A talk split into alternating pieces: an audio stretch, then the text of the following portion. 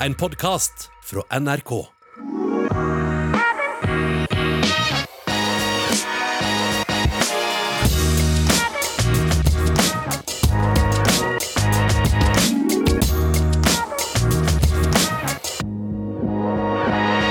Norge eh, ruller litt halvt inn i eh, påska. Eh, Det gjør kanskje vi òg, jeg vet ikke. Men vi er iallfall ute med en ny episode. I dag skal vi få møte en verdensmester, ganske fersk sådan, på skøyter av alle ting. Ragne Wiklund. Men hun er også en meget habil orienteringsløper. Og hvordan i all verden er det mulig å være habil i orientering og verdens beste på skøyter samtidig? De idrettene går jo ikke så veldig bra overens, skulle man tro, hvis man har noen bilder av noen løpende skøyteløpere i, i hodet. Men uh, først uh, må vi til eh, Christian Ulriksen. Åssen er det med deg her inne i påska? Nei, det går mest sannsynlig bedre med meg enn det går med resten av verden, skulle jeg til å si. Vi er i bra fremgang, og vi har nok en gang funnet tilbake til et treningsprogram der overskrifta er 'ett siste forsøk'. Så får vi se hvor lenge vi holder ut denne gangen. Du er motivert nå? Du er på gang?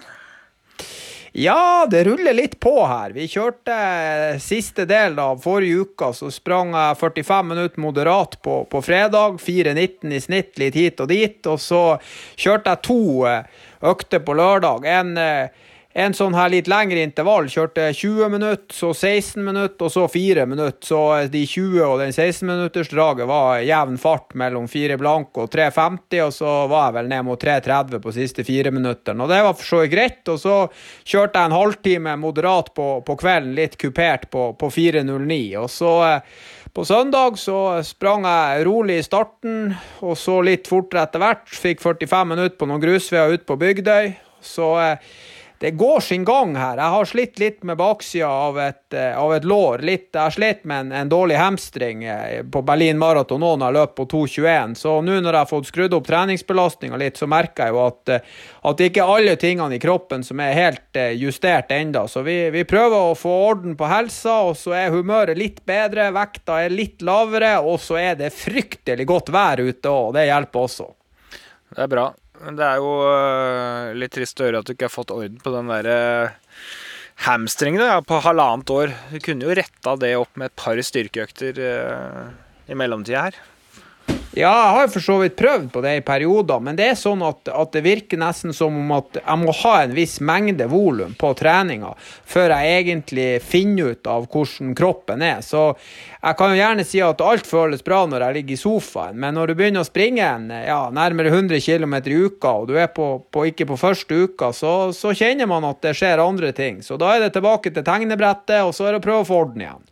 Det viktigste er at du er motivert. Du, jeg hadde jo 108 km forrige uke. Det er vel den øh, beste uka jeg har hatt på veldig, veldig lenge. Tre ganske gode hardøkter var inni der òg, så det var jo bra. Var litt optimist, var litt i flyttsonen. Bong! Søndag kveld så kom uh, meldinga. Skole stengt, barnehage stengt. Fullt smittekjør her oppe på Råholt. Og da var det bare å bli hjemme, da, med tre- og seksåringen og litt mindre treningsfrihet. Så det starta jo da med mandag. Alt gnist og overskudd forsvant. Null treningsøkt. I dag så girer jeg meg opp i hvert fall til å kjøre en, en treningsøkt mens de andre spiste middag. Så da fikk vi kjørt denne Jakob-økten for andre gang på mølla. Så får vi se åssen det går utover her. Men ja, det er Syns det er litt ugreit, dette samfunnet om dagen. Det, det gjør det ikke noe lettere, i hvert fall. Nei da, du er inne på et par gode poeng. og Vi har vært i, i flere møter med både løpsarrangører og litt andre ting. og, og det å planlegge mot sommeren og gjennom sommeren, det, det er vanskelig og uforutsigbart. altså. Så, så får vi se hva, hva, som skjer her nå i påsken. Det er jo gjerne sånn at jo flere folk som testes, jo flere er det også som er smitta. Så vi får håpe på bedring, og vi får håpe på noen ordentlig gode vaksiner, sånn at vi, vi kommer oss, i hvert fall til høsten her, med et, et ganske normalt samfunn. Det får bli målet.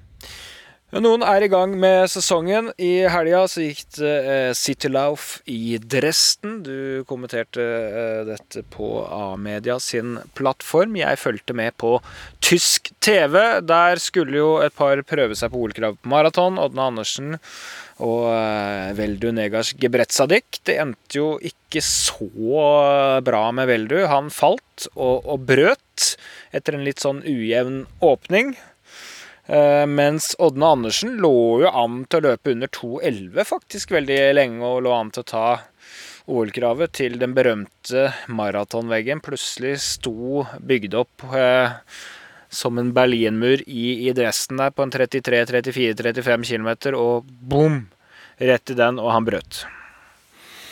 Ja, vi kan ta en Veldu først. Der fikk jeg faktisk ei, ei, tekstmelding her tidligere i dag. Han hadde rett og slett eh, gått i bakken med ansiktet først og knekt kjevebein òg, så at han brøyt og ble frakta i den ambulansen, det, det, skjønte jeg jo mer av i ettertid. Og så eh, får vi håpe på det beste for Veldu sin del. Han brøyt faktisk på et så tidlig tidspunkt at, at det er fortsatt håp her om å få gjort en ny maraton en eller annen plass og få prøvd på OL-kravet. Så får vi ønske han god bedring med den kjeven.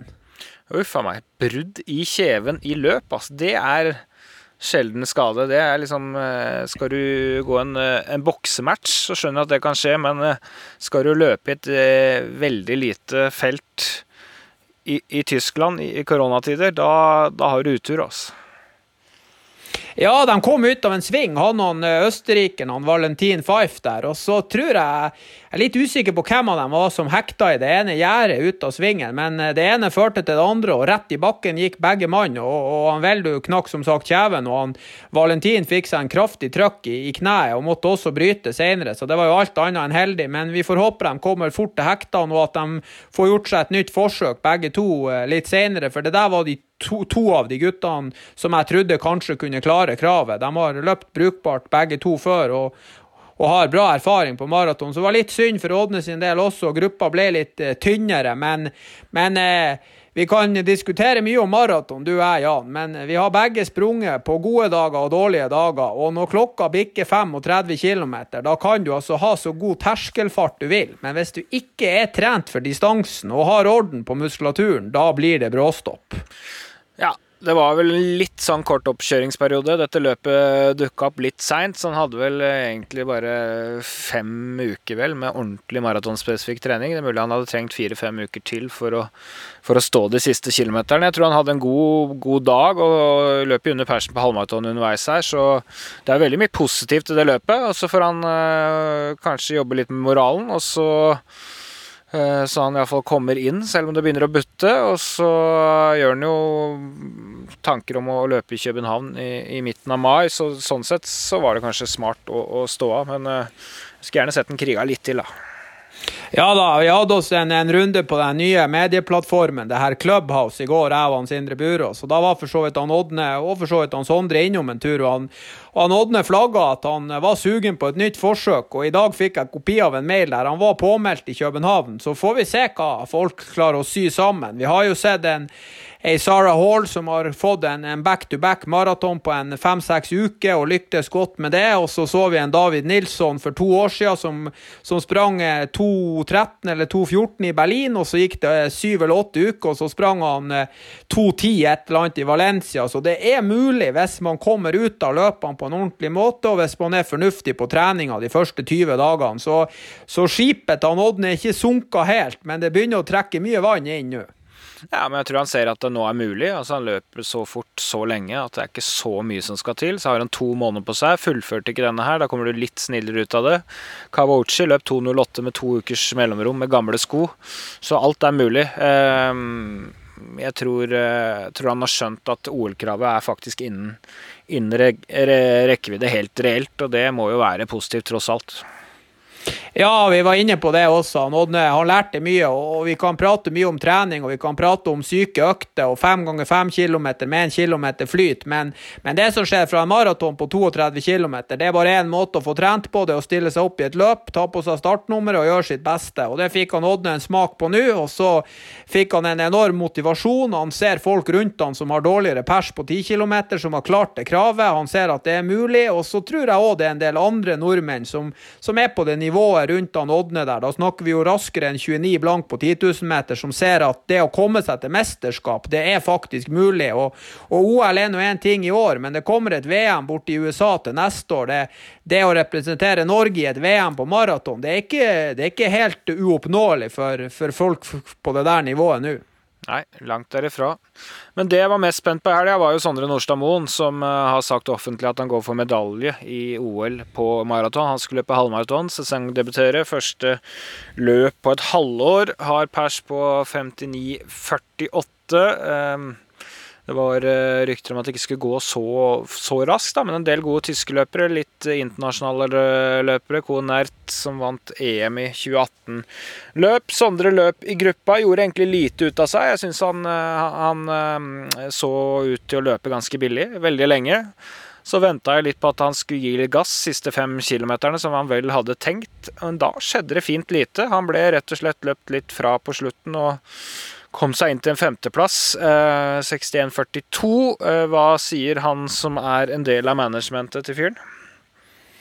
Nei, mellom meg og deg, Jan, for det om vi har litt lyttere, så lever jo du og jeg av å være ærlig. Og det var, det var ikke så bra som vi verken hadde trodd eller håpa på. Og så var det ikke helt katastrofe heller. Så vi får ta med oss at det er 20 21. mars, og at det er 19 uker til OL, og at man har en solid jobb foran seg. Og Så, eh, så, følte han Sondre sjøl at, at, han mangla litt på noen del av treninga, og så følte han også at han ikke hadde en spesielt god dag. Og, og så er det som du er inne på, han, han fikk trent på et løp som, som, kanskje også er et scenario i OL, der det gjelder å ligge i gruppa og være tålmodig, og så, så var rett og slett ikke sterk nok. For dem som så løpet, så ser man jo at han holder på å slippe. altså Han gir ei lita justeringsluke én gang, og så holder han på å slippe på rundt 18-19 km, og så springer han seg inn igjen. Men, men han sa sjøl at når farta gikk opp altså fra 2,55 på kilometeren til ned mot 2,50, og gjerne litt fortere, da var det ikke mer trøkk i kroppen, og det var ikke mer å hente ut av det. Så,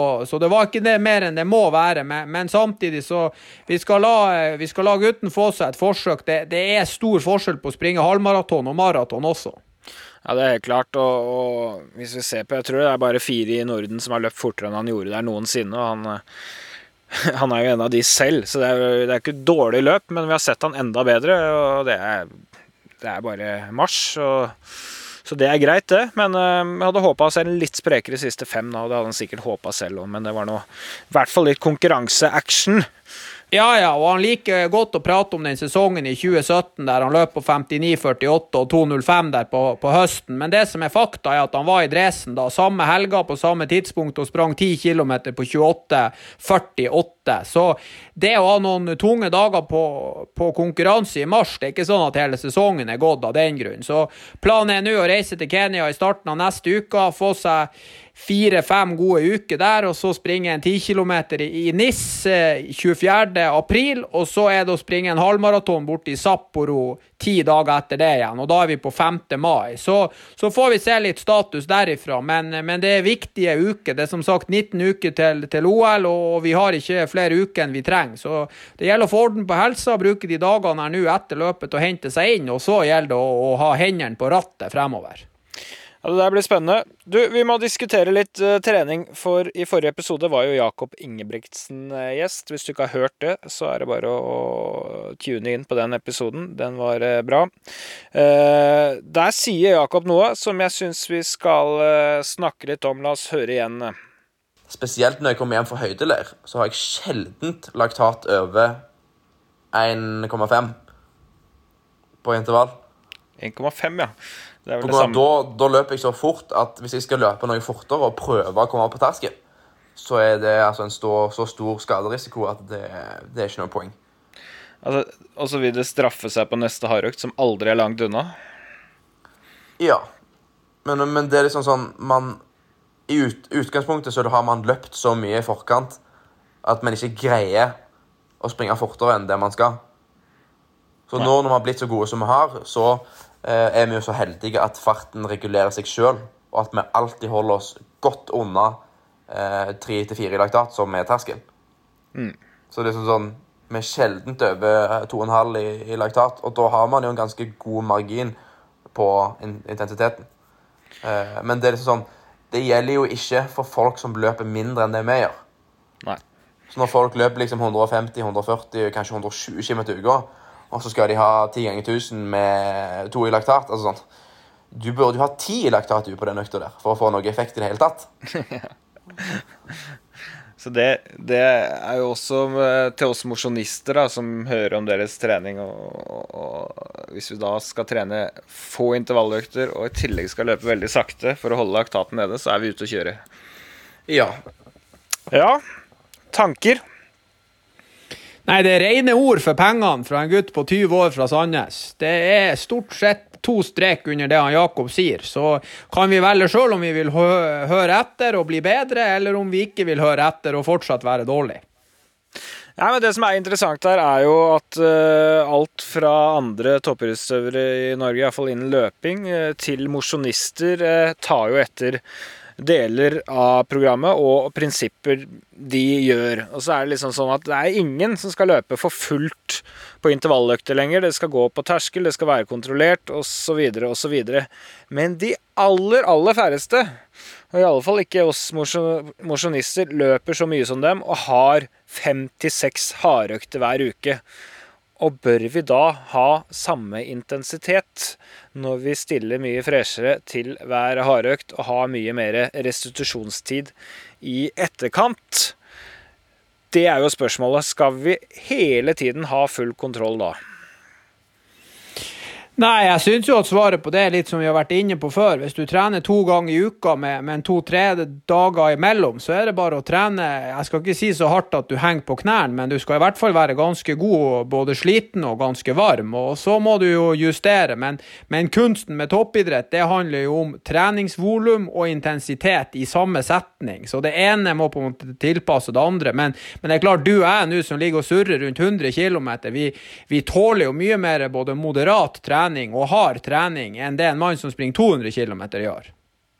Ja, altså Uh, da kan vi jo diskutere hvis vi skal ha to hardøkter i uka, som veldig mange har. Uh, veldig mange har to til tre, kanskje. To i, i, i, snitt. Hvor hardt skal man da løpe på de? Det kommer selvfølgelig an på hvor mye du løper ellers denne uka. Uh, og så kommer det an på hvor stort volum det er kanskje på de to hardøktene. Uh, men her må man velge litt, da. Hvis man, hvis man mener at terskel er veien å gå, uh, som brødrene Ingebrigtsen er et bra eksempel på, mange andre har fått framgang med det òg, så må du ha ganske stort volum på, på terskel. Du kan ikke løpe lite og veldig kontrollert. Og så Hvis du skal kjøre en haremodell, så, så kan du ta i mye mer, da, men da må du ha mye mindre volum hardøkt. Altså, du, du, har jo vært mye borti hvordan de har trent i Australia opp gjennom årene, og det er gode løpere der og, og som løper har løpt nesten like fort som Jakob. De, de trener jo helt annerledes. Ja, ja, sant. Og Mosse var òg innom at det er mange forskjellige veier i, i rundkjøringa her man kan ta av som fører til samme resultat. Og det som du er inne på, han Steve Monagetti som satt verdensrekord på halvmaraton, og, og, mange av de andre guttene fra Australia, han, for så vidt han Mottrum også, som løp 12,55, de kjørte et vanlig system med intervall tirsdag, torsdag, lørdag, og da snakker vi ikke om doble intervaller, da snakker vi ei intervalløkt. Og Monagetti er jo kjent for å ha en sånn intervall som oppkalt etter han også, som varer i 20 minutter. Så da sier det seg jo sjøl at da ble det tatt i de 20 minuttene. Og så er det jo sånn at hvis, hvis en mann som bruker 90 sekunder på en fireminutter, hvis han springer 15 fireminuttere nei, 15 400-metere, så er det jo sånn at, at, hvis han springer litt og litt fortere, så har han kanskje 20 minutter med intervall der. Og, og, og da må man ta i. Hvis du er på den fire ganger fire-minutteren som mange forskere som vi leser mye om avisen skriver om, da er du nødt til å springe hardt, altså. For, for 16 eller 20 minutter dragtid, det er for lite for at systemet skal få noe igjen hvis du skal begynne å trene terskeltrening med 1,5 eller 1,8 i laktat. Ja, altså Vanlige dødelige har jo omtrent 1,5 i laktat når vi går og handler uh, melk og brød på butikken. da. Uh, så det er jo ekstremt lavt. Da, da er du ganske topptrent altså når du kan løpe så fort som Jakob gjør på med sto, så stor skal på en måte uh, ja, stor påvirkning av kroppen på så lav laktat. Altså han kan jo løpe godt under tre blank, antagelig på, på kilometeren, og, fortsatt ligge så lavt. Så da vil jo muskler få litt påvirkning uansett. Vi andre er jo ikke der. Nei, heldigvis. Altså, jeg har jo sjøl erfaring med det jeg har respondert best på. Det er jo å kjøre to hardøkter i uka der jeg har kjørt økten litt progressivt begge to, og så har jeg hatt ganske solid volum. Jeg har kanskje begynt med ti ganger 1000, og så etter en fire-fem uker så har jeg kanskje kjørt eh, fire 3000 meter og, og, enda litt lengre. Så det der jeg tror at hvis du skal gå for den menyen der du skal holde igjen på trening og kjøre ganske kontrollert, så må du sikre at du har ganske mange minutter i riktig sone. Og hvis du skal kjøre korte drag, da kan kan du også kjøre mye tøffere. Ja, jeg pleier å si det litt enkelt jeg for mosjonister, jeg regner meg selv for å være en del av den gruppa, er at hvis du starter litt roligere enn du avslutter intervallene, og du kunne kjørt et par drag til hvis jeg hadde kommet med en pistol og pressa deg til det når du er ferdig, så er du inne på noe. Og så jeg vet ikke jeg hva slags laktat eksakt du har på, på på tampen av det, og hva slags puls i forhold til makspuls. Det vil avhenge av hvor godt trent du er osv. Men jakt den følelsen, da. Eh, hvis man ikke har intervall absolutt hele tida, som enkelte toppidrettsutøvere har. De trener 13 økter i uka, og de må ta litt andre hensyn enn eh, oss som trener tre til sju ganger i uka. Ja, definitivt. Jeg tror vi er inne på en bra meny. Og så skal folk ta også, det er en målbar idrett. Hvis man er innom samme økta, la oss nå si annenhver uke, så er det ganske enkelt. For de aller fleste av oss så blir vi bedre bare vi trener. Det er ikke så vanskelig å bli bedre når man er på dårligere nivå. Så hvis man ikke har fremgang på trening, så må man prøve å justere litt på treningsprogrammet. Så kommer fort fremgangen. Et eh, spørsmål fra en lytter som uh, egentlig går litt under dette temaet. Uh, han kaller seg selv Kondiskokken.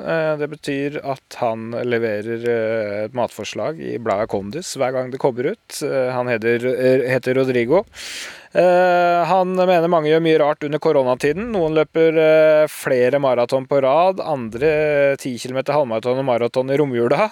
Sikter vel til meg der. Noen sanker kilometer og noen høydemeter. Felles med dette er kontinuitet, og at alle er enige at det er nøkkelen til suksess. Jeg bestemte meg for å løpe 10 km under 40 minutter eh, hver eneste dag en uke.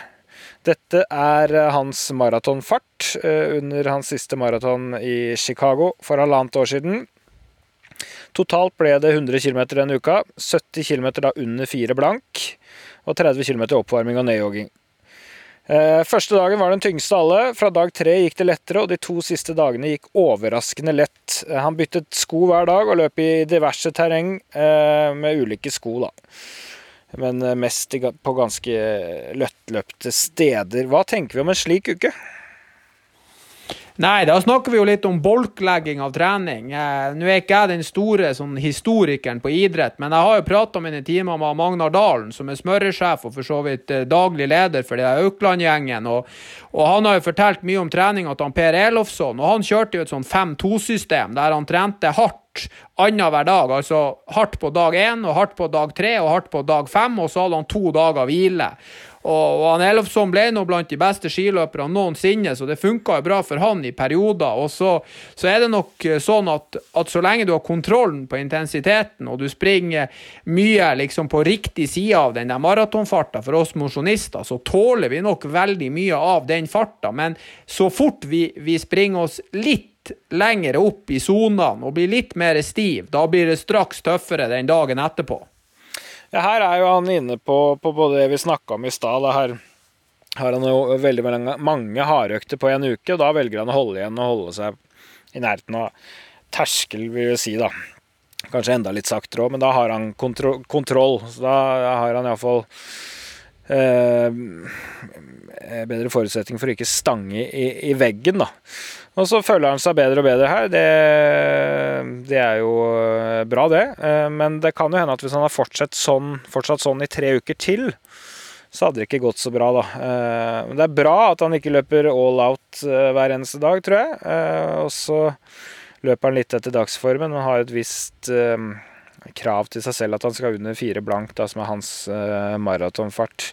Jeg tror ikke det her er dummeste uka du kan gjøre. Men jeg tror ikke det er den beste heller. Altså, jeg ville nok kanskje hatt en av de turene lenger. En eh, brutt opp intervall så kunne løpt litt uh, fortere uten å blitt så mye mer sliten. Altså fått litt større variasjon, da. Men hvis det er dette man er motivert for, så er det bare å gyve løs. Ja, vi hadde jo et intervju med han godeste Knut Kvalheim òg. Er jo en av de beste norske løperne vi har hatt noensinne, og var svingod på 70-tallet. Nå er jeg litt usikker på om det intervjuet ligger ute på denne plattformen, men det får vi undersøke etterpå. Men han Knut sa jo òg at, at på, på, vinteren i gamle dager så var det jo sånn at, at guttene nesten ikke sprang intervall. En mann som han Lasse Virén, som, som, tok både 5000 og 10 000 OL-gull, tror jeg, i 76, han var vel sitert på at han ikke sprang intervall i, i, i desember, januar og februar. Han sprang bare lange turer og, og, litt sånn moderate, jevne turer også. Så, så, det er åpenbart at i en ressursperiode og i perioder så, så gir ei sånn her type trening og en sånn her meny på treninga, det, det, kan gi en veldig bra stimuli. Det jeg tror vi må passe på her, er at man ikke gjør det her over for lang tid, for da tror jeg du blir veldig, veldig sliten. Ja, det tror jeg òg. Så, men en uke, det går sikkert helt fint. Og at det ga han motivasjon en uke, tipp topp. Så er det bare å finne på noe noe annet neste uke. Ehm, et lytterspørsmål til fra en som heter Even. Eh, kan dere i en episode drodle litt rundt tempoøkta? 68 eh, km eller 20-25 minutter kontinuerlig er verken spesielt langt eller kort, eller noe spesielt volum. Hvilke egenskaper trenes på denne økta kontra f.eks. 10 ganger 1000 eller en medium long run på 15 km? Nei, altså 6-8 km tempo er jo ei økt som Renato Canova har gitt til mange forskjellige utøvere. Både 1500-meterløpere og mange 5000-løpere, og for så vidt 10 000-løpere. Det er jo primært ei økt som, som gis til mange som springer på banen, som sliter med å, å og på en måte kunne opprettholde farta når de får ei økt uten pause. Og Sånn sett er det jo veldig god konkurransetrening, for i en, i en 10 000 meter konkurranse så får du nå ingen pause. Så det gir jo en forsmak på, på hvor sliten du er etter en 5-6 km uten pause. Og så er det ofte sånn med de her tempoøktene at du blir betydelig bedre på det i starten. For at hvis du bare kommer fra et intervallsystem, så er det veldig tungt i starten, og så får du fort fremgang. Og det andre er jo også at du lærer deg å, og, få en bedre sånn kjentskap til fart farta. Du får bedre følelse av hva som er riktig fart. Og, og, for mange som kommer rett fra intervall, så er jo det å treffe riktig åpningsfart, spesielt på en 10 km, det er jo svært utfordrende. Så jeg vet ikke hvor mange mosjonister vi kan se på ei startliste som springer altfor fort i starten. Så det får du jo også trent på på ei sånn her type tempoøkt. Ja, og Det tror jeg er en av eh, grunnene til at mosjonister åpner for, for hardt. At veldig mange løper veldig mye intervalltrening, og så detter man fort inn i intervallfarta si, og så har man ikke egenskapene som skal til for å holde den farta i i samtlige 10 km i halvmaraton, eller hva man skal konkurrere på. Da. Her får man en anledning til å altså, trene på akkurat det man skal bli god til, da, løpe sammenhengende uten pause. Og den disponeringstreninga det gir, tror jeg er veldig god. Og så får man jobba en god stund på ganske hardt nivå, og så får man ofte en pekepinn på hva slags form man er i. Eh, det, det, er veldig mange løpere rundt i verden som eh, legger tempoøkter inn i treningsprogrammet sitt. USA er det veldig, veldig vanlig. Eh, britene har gjort det. Ingebrigtsen er vel nesten et litt sånn unntak der, men de konkurrerer sjelden lenger enn fem kilometer. Om det har noe å si eller ikke, det vet ikke jeg, men det kan man sikkert diskutere. Ja, sant. Han eh, australieneren han Ron Clark der, som, eh, som på 60-70-tallet senka verdensrekorden på 10 000 meter fra 28-20 ned, langt ned på 27-tallet. Han var jo også kjent for å springe en sånn 10 miles tempo. Da snakker vi om 16 km. Der han og sprang ganske jevn fart, og så litt fortere på slutten. Og Han mente jo det var en av de øktene som, som gjorde at han var så sterk som han var på 10 000 meter, og at han kunne springe såpass mye alene som det han også gjorde. Han, han var aldri i tvil om, om både åpningsfart, og han var veldig trygg på at han ble å stå distansen.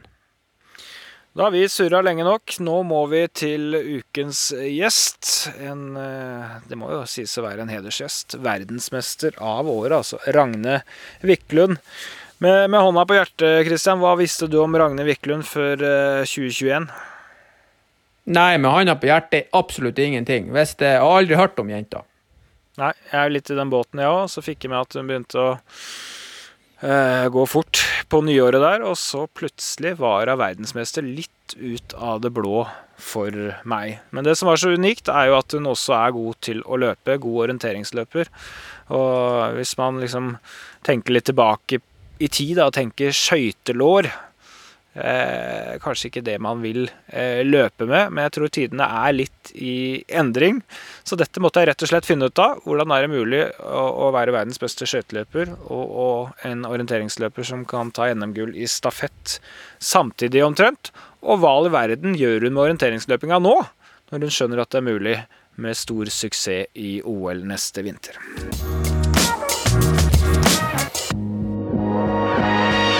For andre uke på rad så skal vi faktisk koble oss opp mot Sandnes og en utøver født i 2000, og som har en internasjonal tittel. Det er ikke Jakob Ingebrigtsen igjen, altså, men det er eh, Ragne Wiklund, verdensmester på 1500 meter i skøyter. Og hun eh, vil nok snart få Ekebergs ærespris, tror jeg òg. For eh, hun er orienteringsløper. Har VM-sølv som junior i stafett. NM-gull senior i stafett. Haug av junior-NM-gull i orientering. Velkommen til I det lange løp. Tusen takk. Så må jeg rette litt på deg.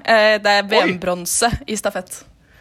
Da har Orienteringsforbundet ikke kontroll over egne utøvere. Det er jo ikke bra. Men medalje er medalje. medalje. Absolutt. 18.-plass best individuelt i junior-VM, stemmer det da? Uh, det har jeg null kontroll på. Jeg har ikke vært superfornøyd med de individuelle løpene der, så det kan godt stemme. Vi skal ikke snakke så mye om det, så det går nå bra. Uh, men jeg fikk, jeg fikk, litt researchhjelp fra Orienteringsforbundet her, men uh, det var jo nesten riktig, da. Ja. Uh, men VM-gull på skøyter Jeg må innrømme at før denne vinteren så visste ikke jeg så veldig godt hvem du var. Altså, det var litt overraskende. Hva, hva tenker du selv med det utgangspunktet du hadde før sesongen? nei, jeg var veldig offensiv inn mot denne sesongen, siden jeg i fjor hadde en veldig dårlig sesong. Uh, så jeg følte at jeg hadde alt å vinne, og jeg gleda meg skikkelig til å skulle få konkurrere i år. Uh, og så var det jo veldig lenge usikkert på om vi skulle få konkurrere. Uh, men ja, så fikk vi det, og jeg følte at jeg i hvert fall fikk eh, virkelig vist hva jeg er god for, og enda mer. Ja, det var jo fantastisk. men det var jo sånn at dere var jo ikke helt sikre på at du skulle gå den 1500-meteren, for 5000 meter var samme dag. Hvilke vurderinger ble gjort? Uh, nei, altså før jeg reiste ned i, i, det hele tatt, så visste jeg jo egentlig kun at det var 5000 meter jeg var tatt ut på. Og så kvalifiserte jeg meg der nede til både 3000 og 1500 også. Uh, og så var det vel etter den 3000-meteren at uh, det var noen som stilte spørsmål om jeg burde gå begge deler eller uh, velge å fokusere på 5000, da. Uh, siden jeg har vært sterkest på de lengre distansene i år. Um, men jeg følte litt at jeg ikke hadde fått vist hva jeg var god for helt på de tidligere 1500-meterne i worldcupen. Uh, og hadde veldig lyst til å gå den og virkelig få et godt løp. Uh, så da tok jeg jo valget om at når jeg først velger å gå begge deler, så har jeg jo prioritert 1500-meteren over 5000, da. Uh, og det tror jeg er et godt valg. Jeg tror, jeg tror jeg kunne fått medalje på 5000 uten å ha gått eh, 1500 først. Men eh, jeg tror ikke det hadde vært et gull, og da tror jeg Jeg hadde jo vært kjempefornøyd med medalje, men jeg tror utfallet Ja, det var best slik. Det virker nesten som de ikke hadde full kontroll over eh, dine styrker da, når det der i hele tatt var en diskusjon. Hvis du er god nok for å ta gull på 1500 meter, så er ikke, opplagt, er ikke alle innad heller som har tenkt at du var det, da. Nei. Um, det, det, stemmer nok litt. Uh, men jeg hadde en voldsom utvikling der nede på uh, hurtigheten min. Uh, så det var litt det som kanskje kom overraskende på oss, da. Ja, for du var jo fem uker cirka, var det ikke det, i Heirenfein, som det vel heter på nederlandsk. Eh, og hvordan var det å leve i den boblen og, og få trent bra nok til at du, du utvikler det, som du sier? Nei, jeg syns jo det var kjempebra. Eh, etter at jeg kom hjem og begynte å trene her hjemme igjen eh, utendørs på Frogner i Oslo, så kunne jeg jo ikke skjønne hvordan i alle dager jeg skal klare å fortsette å ha den utviklingen uten å bo i Heerenveen. Men eh, nå har jeg vent meg litt til det, og det har jo gått fint. Men det var ganske strikte regler og, og, treningstider og hvor dere kunne bevege dere ute og når dere kunne trene inne. Hvordan var det? Uh, ja uh, Jeg syns jo egentlig det var veldig deilig uh, å kun fokusere på treningen og det jeg skulle gjøre, og ikke så mye annet. Det eneste som kunne være lite optimalt, var treningstidene, siden det måtte bli delt opp uh, ut ifra ja, ulike grupper og tid på døgnet og sånn, at det kunne være litt ugunstig. Men uh, utenom det så fikk vi alt veldig optimalt uh, sånn treningsmessig, da. Ja. Og det, det, ble på en måte fokus kun på det vi skulle gjøre, og ikke mm. så mye annet. For det var ikke så mye forstyrrelser der, kanskje? Nei. mye tid inne på hotellrommet og ja. Nei, det ble jo litt annet sånn spill og sånne ting, men uh, det ble, var mye skøyter og mye ligge på senga. Ja, det hørtes litt uh, deilig ut, egentlig. Mm. Uh, å kunne konsentrere maksimalt. Uh, for hva, hva, gjør du til daglig når du ikke trener? nei, da studerer jeg jo. Og så Ja, da, så går dagen, egentlig. Trener, studerer, trener. Spiser, sover. miljøfysikk og energi på NMBU. Ja. På Ås. Akkurat. Uh, du, ta oss litt gjennom uh, den dagen hvor du tok dette gullet. Fordi at uh, du så jo litt sjokkert ut i minuttene etterpå. eller når Først løpet. Hvordan følte du at du traff, og, og hva tenker du om gjennomføringa? Um, jeg følte jo at jeg traff veldig bra fra start. Uh, så hadde jeg et feilskjær, faktisk, på den første runden. Uh, og da var jeg litt stressa, men så kom jeg jo da rundt svingen og får se rundetiden som var uh, eh, 7-9 for første gang under 28. Uh, eh, og da visste jeg at nå må jeg bare komme meg til mål, egentlig. Så de to siste rundene da var egentlig bare å kjempe seg inn. 1500 er jo er en sånn øvelse som jeg tar litt under to minutter. Da, og Det er jo ofte sånn at man går litt hardere ut enn man avslutter. Det er jo litt som 800 mm. meter i, i, i løping. Det, det ser litt brutalt ut på slutten av de der. Altså, det ser ut som man har litt vondt i låra. Uh, ja, det er veldig vondt. Og jeg, taktikken min er jo bare å Siden jeg er treg, da, så er jo taktikken min å gå ut maks. Og så holde så bra jeg kan inn. Når er det du da begynner å kjenne det? Uh, jeg begynner å jobbe når det er to runder igjen. Eller sånn. Da må jeg begynne å jobbe mentalt. Så etter en, etter en runde og åpningen, da. Den vanskelige tredje runden? Ja. Eh, hva tenkte du når du kom i mål? Eh, jeg var jo veldig fornøyd, med 1,54. Eh, men så tenkte jeg litt, for jeg så på trenerne mine, Jonas og Bjarne, som sto på vekslingssiden, og de var så innmari fornøyd. Så var jeg sånn OK, er det så bra? Eh, så jeg var egentlig litt mer sånn Litt skeptisk nesten til liksom at de jublet så mye.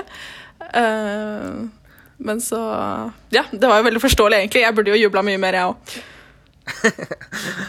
Men hvordan var eh, ventetida? Uh, ja, jeg gikk jo kanskje midt i feltet, uh, så det var vel en syv par kanskje nesten etter meg. Uh, så de første parene etter meg så var jeg egentlig bare kun fokusert på at jeg må kjappe meg inn i garderoben og sykle ned og gjøre meg klar til 5000 meter. Ja. Og så begynner liksom flere og flere par å ha gått, og Ida Njåtun og Sofie Haugen og kommer liksom inn på indre og begynner å vente med meg. Så er jeg litt sånn fortsatt veldig skeptisk til hele, hele greia, egentlig.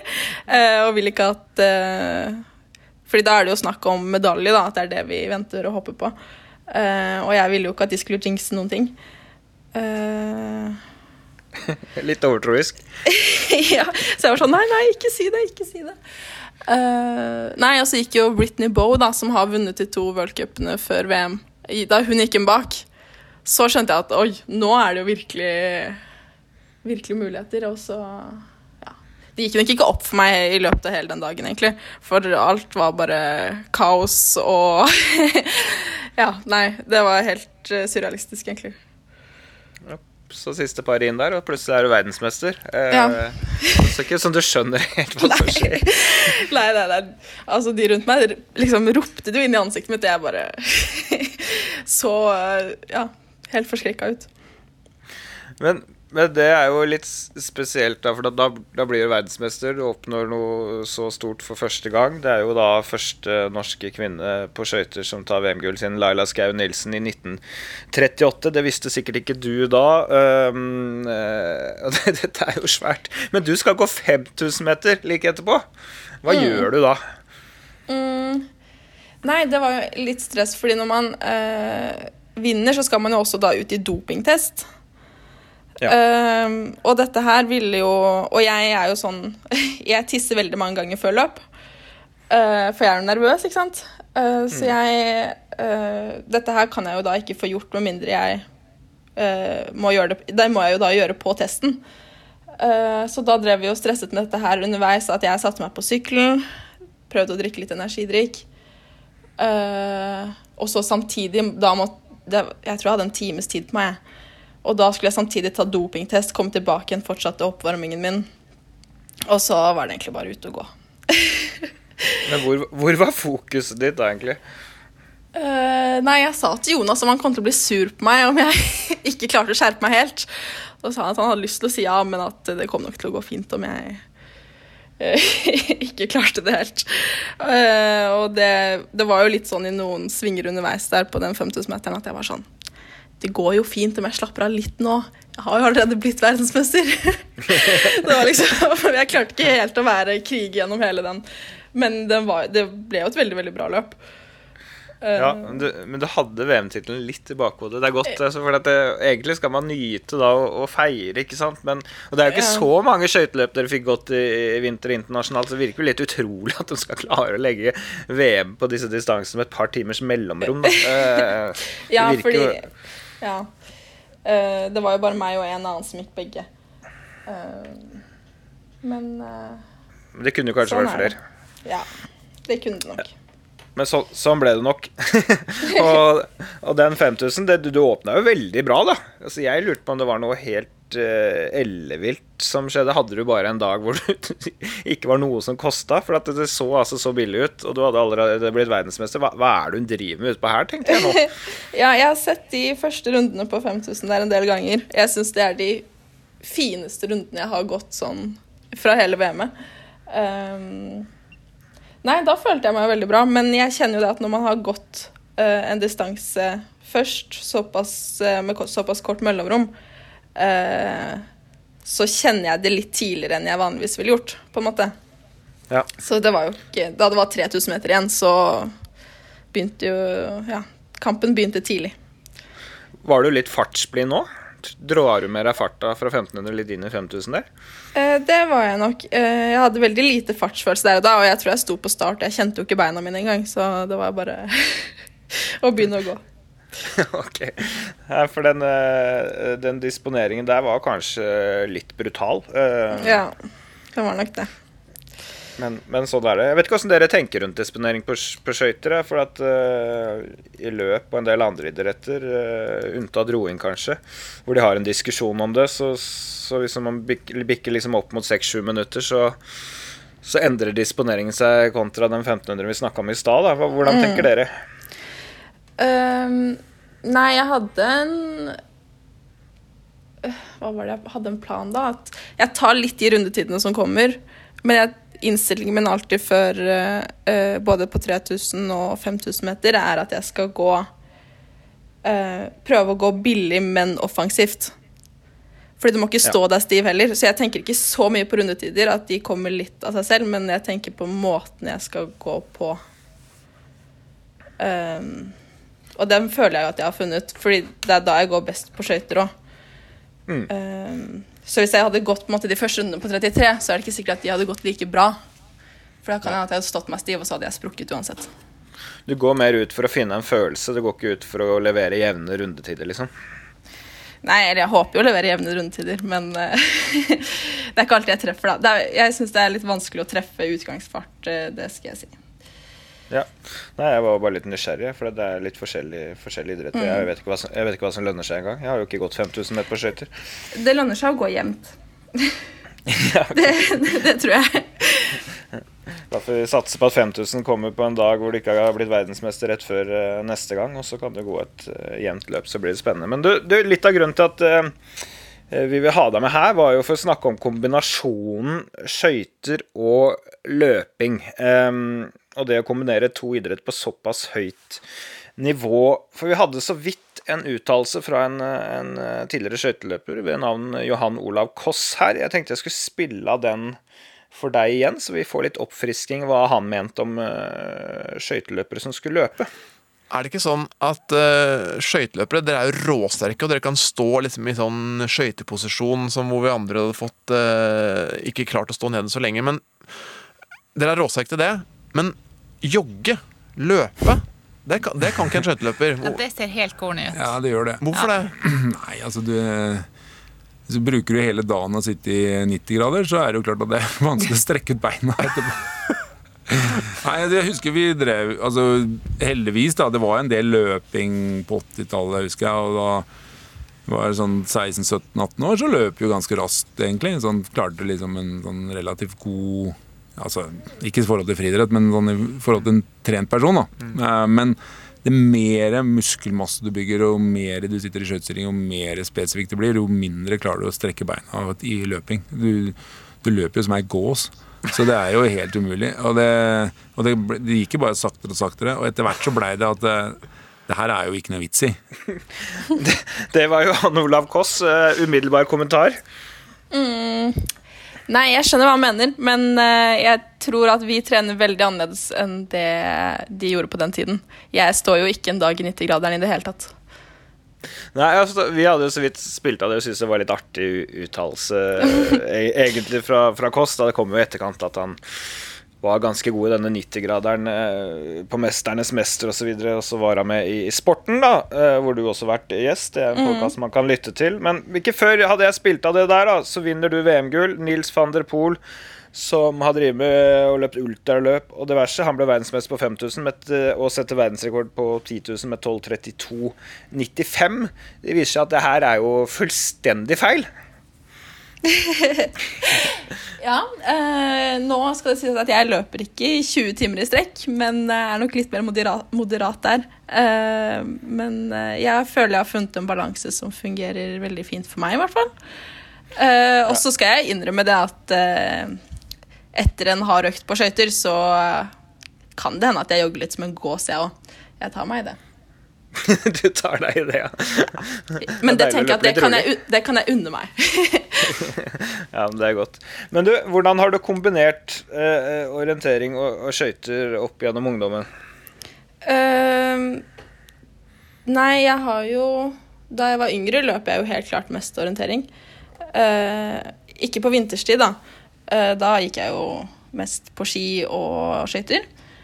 Eh, men det var vel nesten ikke før jeg ble 17 at jeg begynte å trene skøyter på sommeren òg. Jeg husker at jeg syntes ikke det var noe gøy å møte opp på rulleskøytetrening. Eh, sammenlignet med løpeorientering, i hvert fall. Eh, så da ble jeg nok pushet litt hjemmefra at jeg måtte være en del av miljøet også på sommerstid, da. Så det hadde jeg nok godt av. 17, ja. ikke sant? Det, det, høres liksom lenge siden man var 17, i hvert fall sånn som jeg tenker det. Men det er, vi snakker tre år siden, da. Ja. Så det var før, uh, før jeg kom inn på Eller nei, jeg begynte vel da å trene skøyter på sommeren ett år før jeg kom inn på landslaget. Ja. Så da ble det en hel år sånn for deg òg. Sånn strukturert, liksom. I hvert fall. Men, eh, men uh, orienteringen, hva var det som gjorde at du syntes det var så gøy, og drev såpass mye med det? Nei, det har jeg jo drevet med så lenge jeg kan huske. Um, så det har alltid vært en veldig stor del av mitt liv og miljøet der. Og det er jo vennene jeg henger med til vanlig òg, er jo vennene som jeg har fått derfra. Uh, så det har bare vært en veldig stor del av den jeg er, føler jeg. Uh, ja. Ja. Så har du vært et stort talent. Du vant vel hovedløpet, og ifølge det jeg fikk vite, da, så har du en haug av NM-gull som, som, junior. Var det noe selvfølge her egentlig at du skulle satse skøyter som førsteidrett? Uh, nei, det var det ikke. Uh, men så har det sånn at man i På skøyter så begynner man å konkurrere internasjonalt veldig mye tidligere enn i orientering. Uh, så jeg følte vel litt på det at jeg fikk jeg, Og jeg syns det er veldig gøy å konkurrere. Jeg liker det veldig godt. Så jeg følte jo litt det at uh, Ja, og der hadde jeg også et juniorlandslag uh, som jeg kom inn på veldig tidlig. Så jeg følte jo at jeg hele tiden bare ble presset mer og mer mot måte, satsingen der, da. Siden uh, satsingen der var mye større i tidlig alder. Ja, det var mer seriøst tidlig, liksom. Ja. Og da kom jeg på en måte Når jeg først da kom inn på juniorlandslaget, så var jo veien videre til landslaget, og så da er det jo vanskelig å komme seg ut igjen. Sånn, ja, det, jeg ser jo det. det men, men jeg tenker liksom Det er noen motsetninger ved disse idrettene òg. Altså, de er veldig forskjellige, da. Eh, Skøyter er veldig kraftkrevende eh, idrett hvor du ikke har noe problem med å finne fram. Det er rett fram og så til venstre, og så gjentar du det en haug ganger. Mens orientering er noe, noe helt annet. Eh, og, og krever iallfall ikke så mye muskler i beina, skulle man tro, som man har sett enkelte skøyteløpere ha, da. Eh, Hva tenker du om kombinasjonen? Sånn, egentlig, hvor, hvor lett vanskelig har det vært? Um, nei, jeg tenker jo at man må jo være sterk når man løper i terrenget. Uh, så der har jeg nok en fordel fra skøyter. Og så uh, er mine trenere ganske opptatt av det at som skøyteløper så skal du Ja, du skal ha mye muskler i lårene, men du skal ikke ha så innmari stort volum der heller. Ehm, så det er på en måte litt på vei ut, det å skulle ha så innmari stort volum i lårene. Uh, så det er jo en fordel for orienteringen nå. Uh, ja. Og så liker jeg jo at det er noe annet enn å bare gå rett fram og til venstre. Uh, jeg takler jo ikke å løpe på bane, så det er veldig rart egentlig at jeg ikke syns at skøyter er mer kjedelig. Du takler ikke å løpe på banen, nei. Det er kjedelig. Det er veldig kjedelig. Men nå det går det litt fortere, da. Det går litt fortere på skøyter.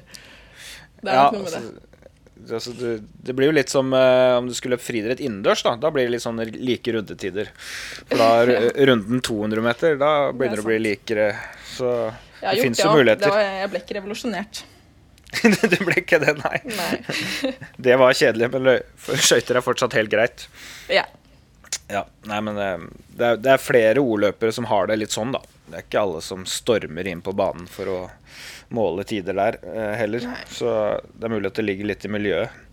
Men, men hvis vi går til i fjor sommer, da. Hvordan, hvordan trener du da?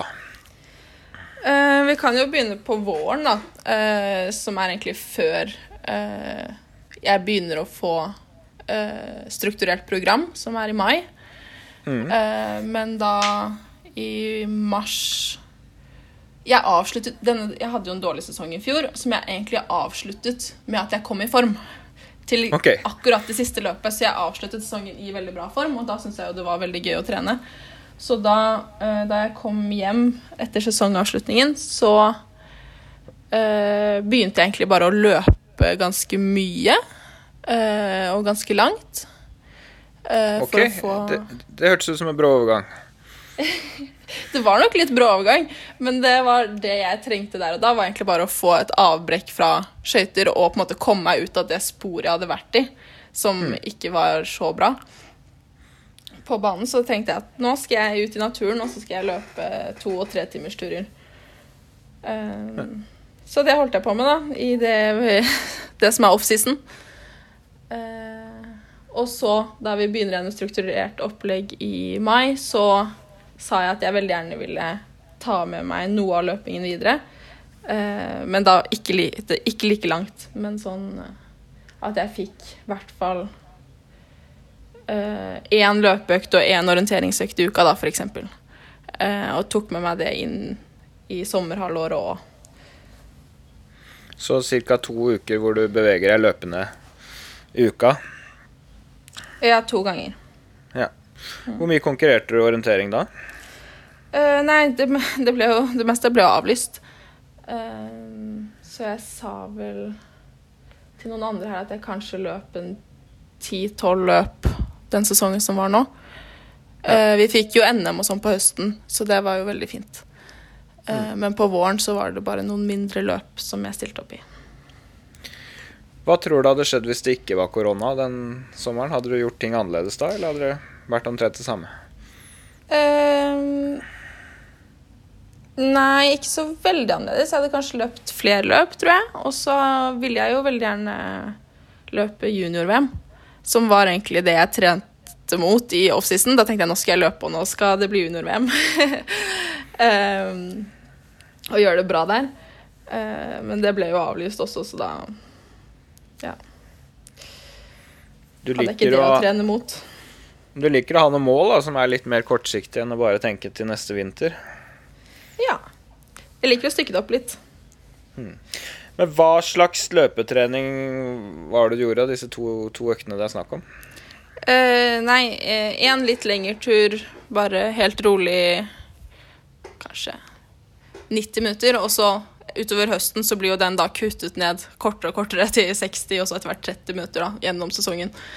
Eh, og så på sommeren så er det jo da uh, en orienteringsøkt.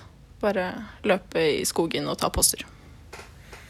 Ja, så ingen hard form for trening i løping, annet enn når du løper løp? Nei, uh, men det er generelt i treningen min, så trener jeg veldig lite hardt. Jeg er ganske heldig, så kroppen min reagerer veldig bra på rolig trening. Ok. Så hvordan ser en, en treningsuke ut da, hvis du tar med alt? Eh, mye rolig sykkel. Eh, ja, to til tre timer som regel. Uh, og da gjerne inkludert noe drag eller intervaller, kanskje. Uh, men ikke så veldig harde de heller. Kanskje sone to, sone tre. Og så er det På sommeren er jo da rulleskøyter, som er det spesifikke øktene. Også på vinteren er det da på is, selvfølgelig. Dette her tilsvarer vel kanskje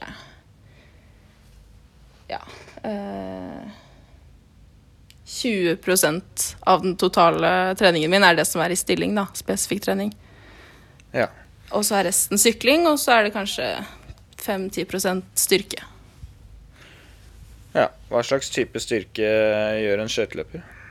Eh, det går mye i frivendinger og knebøy. Ja.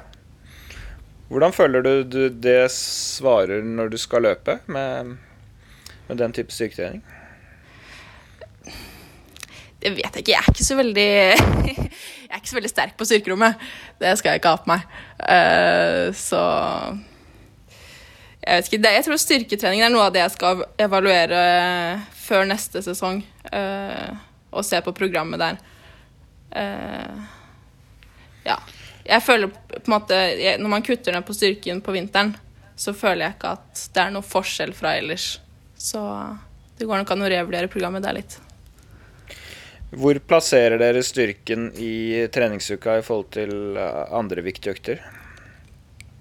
Um, nei, det er gjerne en andre økt etter vi har, vært, etter vi har sykla.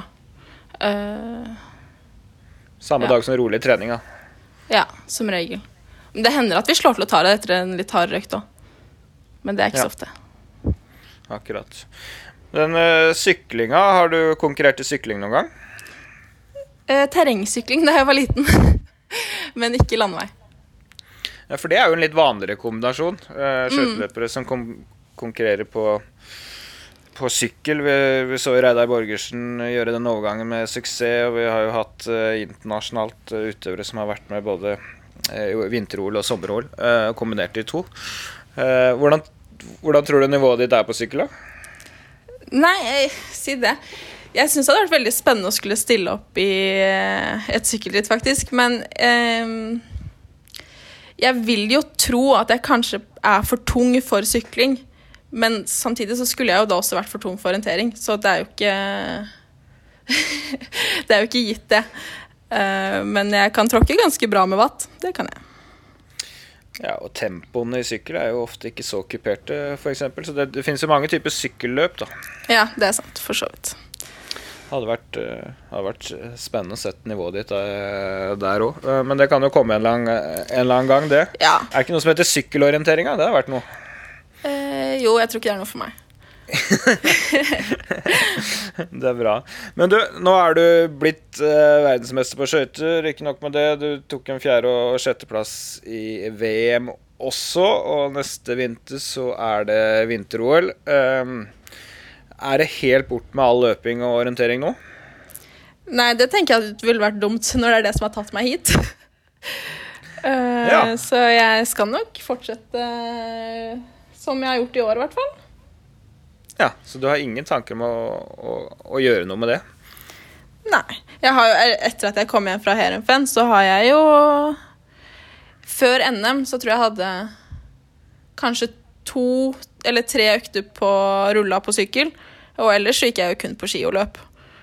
Ja. Eh, Og det gikk jo fint i NM, så Nei, skal nok ikke legge bort det. Eh, men hva føler du at det, det gir deg, da, siden det er en del av suksessoppskriften din? Jeg føler at når jeg løper, så kan jeg vaske ut av beina på en helt annen måte enn når jeg sykler. Fordi det er et såpass annerledes Det er ikke så monotont. Uh, så jeg føler at uh, hvis vi har hatt mye hardøkter og sånn, så kan jeg gjør jeg beina veldig mye bedre av å løpe enn av å sykle. Eh, eh, mentalt, har det noe å si for deg?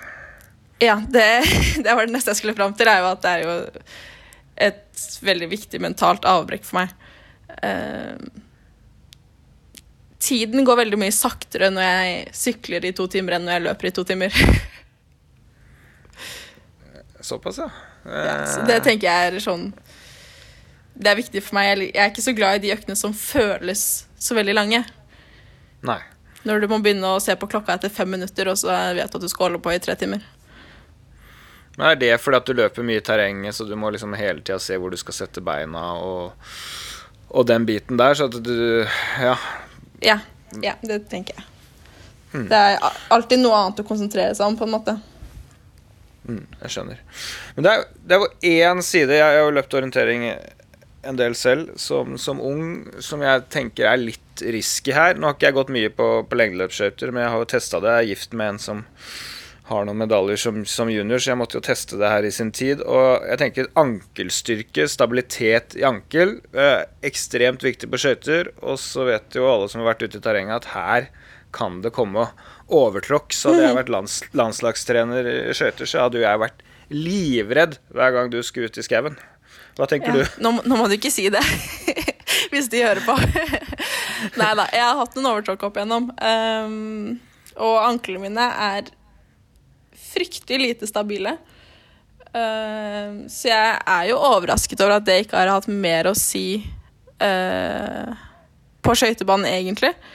Uh, nå skal det si at jeg, har, at jeg har jobbet ganske mye i år med stabilitet. Ikke, ja, ikke spesifikt bare anklene, men sånn mye generelt i hoftestabilitet òg. så det er jo noe jeg prøver å Ja, jeg tror jeg har litt forbedringspotensial potensialet der, i hvert fall. Men, men er det noe du er, er redd for å tenke på, liksom? Ja, det, hvis jeg, jeg løper ikke hardt uten å teipe anklene. Nei. Den kjenner jeg igjen. Det gikk noen meter, gikk noen meter teip på 90-tallet for meg òg. Ja. Så den har du blitt god på.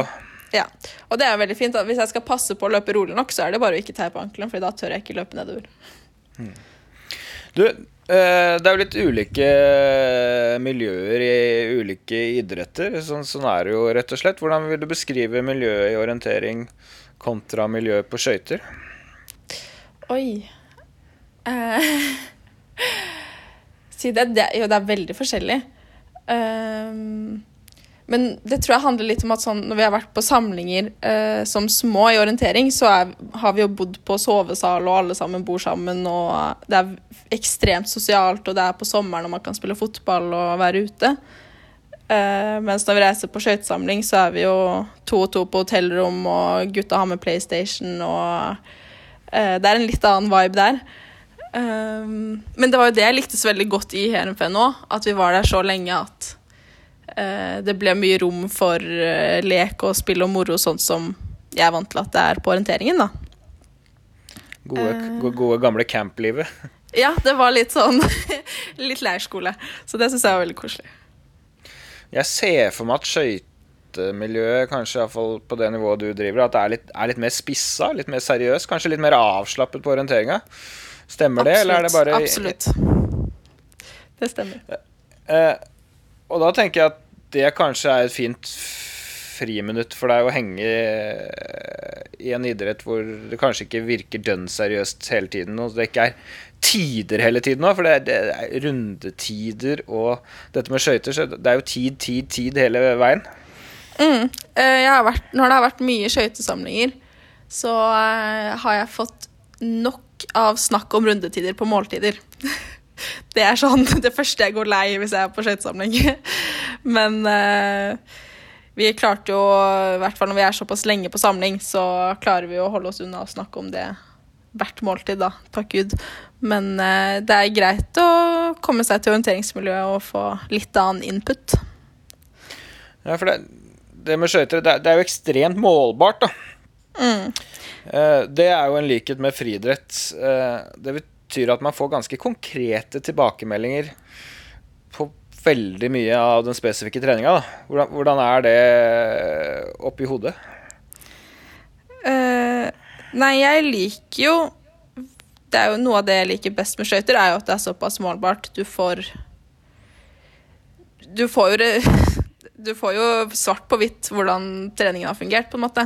Eller hvordan du har klart å toppe formen. Det er ikke noe spørsmål, sånn som det er i orientering, kanskje. At det er litt mer flytende om du er i form eller ikke. Um, og det liker jeg veldig godt. Uh, men jeg tror man kan bli litt gæren hvis man skal gå rundt og tenke på det hele tiden. Og det er jo derfor jeg ja, liker å løpe orientering og liker å studere ved siden av. Så jeg har noe, noe å drive med. Skøyter er jo sånn at ok, jeg er bedre enn i fjor. Det får man svart på, på hvitt, på en måte. Mens i orientering kan man si at jeg, ja, jeg tror jeg er bedre enn i fjor, men man kan Men jo egentlig ikke, kan ikke vite det. Jo Det er kun Sånn, eh, relativt overfor de andre. Du kan vite om du gjør det bedre eller dårligere. Ja, Så kan du også måle deg historisk. da På skøyter har jo skjedd litt med utstyret opp igjennom, men, mm. men disse tidene og det å slå rekorder osv., det, det gjør jo at du kan eh, si hvor du, er, hvor du står historisk også, da. Så, så det, det blir jo litt annerledes. Du, du, du kan jo si at du er nesten like god som Hanne Staff, men eh, det blir ikke så lett å måle det på, et vis- på et vis, Nei. annet enn i, i, i rene eh, medaljer, da. Men vet ikke hvordan konkurransen var nå sammenlignet med da, osv. Så, videre. så det er, der er jo skøyter ekstremt, da. Mm.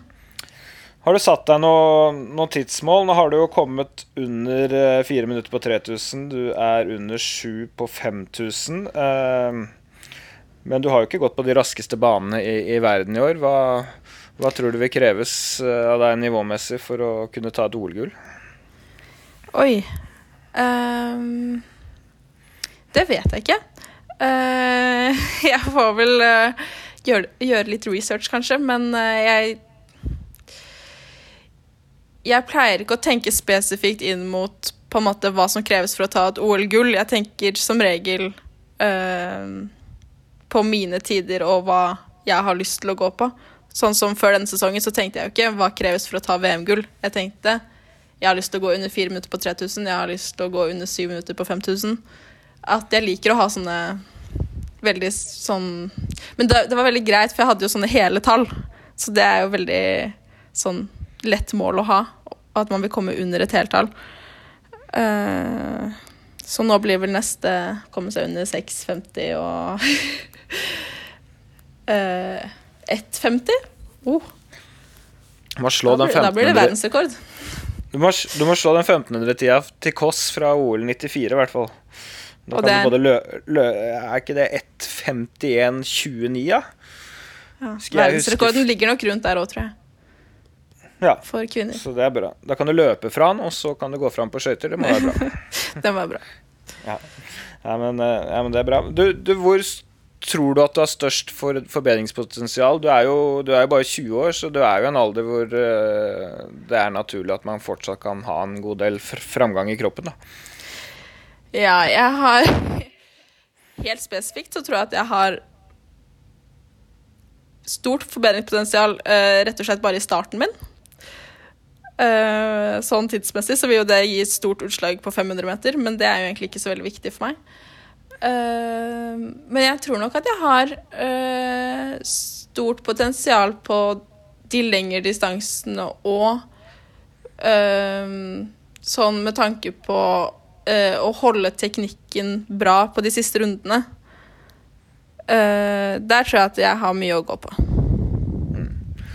Sånn, sånn fysisk, ja. Altså, teknikken er selvfølgelig ekstremt viktig på, på skøyter, men hvis du skal tenke hvor du skal sette inn eh, støtet sånn rent fysisk de neste måned eller neste halvåret, eh, har du en plan? Eh, du må, burde spurt meg igjen om tre dager. Jeg skal ha evaluering om to. Må du høre med treneren først? Ja, det er de som styrer. Nei da. Men de har veldig kontroll, så jeg, jeg føler at uh, I samråd med de, så er det Kommer vi fram til hva vi på en måte skal fokusere på og kan gjøre bedre. Ja. Eh, ja, for jeg skal jo innrømme at de har veldig mye mer peiling på skøytetrening enn det jeg har. Jeg har kun erfaringsbasert uh, kunnskap. Ja, erfaring. Trening som har gjort deg til verdensmester. Det er ikke så dårlig, bare det. Men hva, hva tror du blir din beste distanse i OL, da? Oh. Uh, ingen aning. Uh, jeg jeg syns jo at jeg i år egentlig gikk best på 3000, da. Ja. Ehm, så får vi nå se. Utenom uh, ja, i VM. Uh, Mm. Men i OL, vet du, da får du litt mer tid mellom disse distansene. ja, så da skal det nok gå fint. Da satser jeg på alle tre. Ja, det er bra. Du, øh, hvordan øh, er det å få trent øh, i koronatider for deg nå framover? Det er jo begynt å bli ganske strengt rundt omkring. Akkurat nå så trener jeg jo ikke så veldig mye. Nå er jo sesongen over, men eh, Så nå er det det eneste jeg trenger av eh, treningsarenaer nå, er jo egentlig bare å løpe i skogen. Så det er ikke noe problem. Um, og jeg tror også framover at jeg ikke er veldig avhengig av uh, så mye innendørstrening, får vi håpe. Uh, men det er jo veldig spennende sånn til sommeren. Uh, vi jo, pleier jo vanligvis å reise til eh, Nederland og gå på skøyter på sommeren. Mm. Um, om hvordan det blir i år I fjor fikk vi jo ikke gjort det. Og det gikk jo Nei. kjempefint for meg. Ja. Så eh, vi må jo evaluere litt der òg. ja, se om det egentlig er nødvendig. Men Ja. eh, ja jeg, er, jeg er litt spent. Ja, det, det skjønner jeg. jeg Får se hvor mange timer eh, eller dager Vikingskipet må være oppe. Det er vel noen forhandlinger sikkert der òg. Ja, De er ikke oppe på sommeren eh, noe særlig uansett. Det er vel to uker i august Ja. som vi pleier å ha is der. Hvis dere ikke får dratt til utlandet, så kan jo kanskje noen legge press på å øke den perioden litt. Hva vet jeg. Må jo få trent! Det skal jo, skal jo gås OL, Det skal jo gås. får, får vi håpe. Ja, men det har vært eh, utrolig hyggelig å, å mm, rett og slett få vite litt mer om hvordan du har kombinert disse idrettene. Så får vi se hva du får til i orientering. Om det blir noe særlig orienteringsløp i, i sommer. Har du, noe, har du noen tanker om hva du har lyst til å, å få til i de konkurransene du stiller? Eh, egentlig er jeg veldig åpen, for jeg går jo nå inn i min første sesong som senior. Uh, så det blir vel mest å se litt hvor lista ligger. Uh, ja. Jeg kommer nok til å gå inn med en litt offensiv innstilling, tror jeg. Og virkelig prøve å få hevda meg litt og Ja. Vi får nå se, tenker jeg. Har du fortsatt internasjonale ambisjoner? Ikke egentlig denne sesongen. Eh, for nå er det jo OL som er mitt hovedfokus, og jeg tar det ikke for gitt at, eh, nå- at det på en måte skal passe inn i min Uh, treningsplan sånn med tanke på samlinger uh, og når jeg skal ha harduker og hvileuker og sånne ting. Uh, jeg tror ikke jeg har lyst til å la internasjonale konkurranser, hvis det hadde vært en mulighet, å la det påvirke det mønsteret, tror jeg. Nei, det skjønner jeg. Bare pass på ankla dine, så er jeg fornøyd. det skal jeg gjøre. Jeg skal teipe. Det er bra. Tusen takk for at du var med oss i Det lange løp. Tusen hjertelig takk.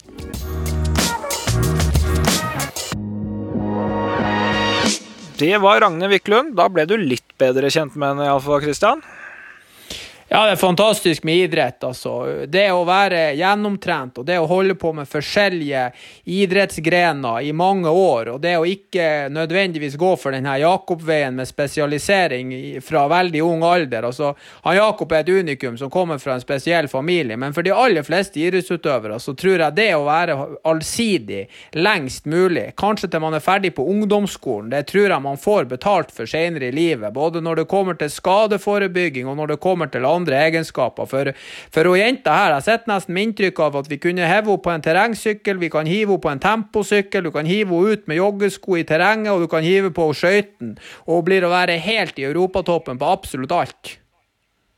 Ja, det er nok et visst talent i bånn der, men uh, for meg så er dette en viktig påminner til trenere, ivrige foreldre, og som allerede i 10-12-årsalderen maser på at folk skal spesialisere seg. Du hører jo om folk som knapt får spilt på fotballaget fordi de skal være med på trening i en eller annen idrett én til to ganger i uka, allerede i ung alder. Uh, vi har eksempler nå på høyt, høyt nivå Helene Marie Fossesholm, som har drevet terrengsykling og langrenn parallelt, som nå ble verdensmester i stafett. Og vi har her Ragne Wiklund, som fortsatt gjør det, selv om hun er verdens beste. Altså, det er ingen krise å holde på med et par-tre idretter utover i ungdomstida.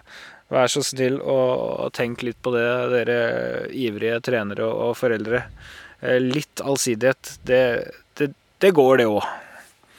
Ja, og så er det rått å høre på 20 år gamle jenter som for det om hun ikke har 100% på kontroll på treninga, og for det om hun kanskje kan virke som om at noen ting er litt tilfeldig, så, så er det her ei 20 år gammel jente liksom, som har, hun hevder seg så sykt bra på så mange ting, så det er jo helt åpenbart at mye av de egenskapene hun har fått på det ene, har gitt henne noe på det andre. Så, så jeg tenker jo også at, at du og jeg av og til tar oss en skitur, og at du og jeg av og til gjør andre ting det er nok mest sannsynlig bare gunstig for alt.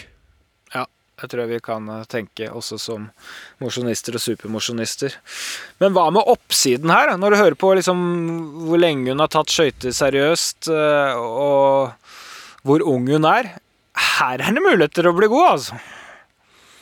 Ja, nå er ikke jeg den største skøytefantasten. Jeg satt selvfølgelig og jubla når han Kåss gikk inn, og jeg så han Ådne Sønderål, og det jeg husker best, er liksom 10 000 meter på, med han Sønderål, der han prøvde å gå fort annenhver runde. Men, men at vi har ei jente der som kan bli en sinnssyk utøver, og at hun er ung og vinner VM, det sier jo det meste. Så hun kan jo ha 10-15 år igjen her som verdensmester, og det er klart, da, da begynner hun å bli legende for alltid. Jeg begynte å glede meg til Ole underveis i det intervjuet der. Jeg tror at hun har mye å gå på. Det her kan bli superspennende. Og er det noe norsk eh, skøyteidrett har lengtet etter, så er det en kvinnelig stjerne. Og nå har de fått det. Og hun er bare 20 år gammel, så la oss uh, krysse fingrene for at ankler og alt holder gjennom sommer og høst, og at hun får vist seg fra sitt aller beste side i, i Beijing om, om et år. Det går fort, vet du. Fort, ja. Jeg syns jo akkurat det var 20-årsdag, og nå er man snart 40, så her gjelder det å bruke dagene. La oss krysse fingrene for at vi er smittefrie tilbake om en uke i påsken. Vi har en liten godbit. En ny verdensmester som gjest. Lytt gjerne til det også. Takk for nå.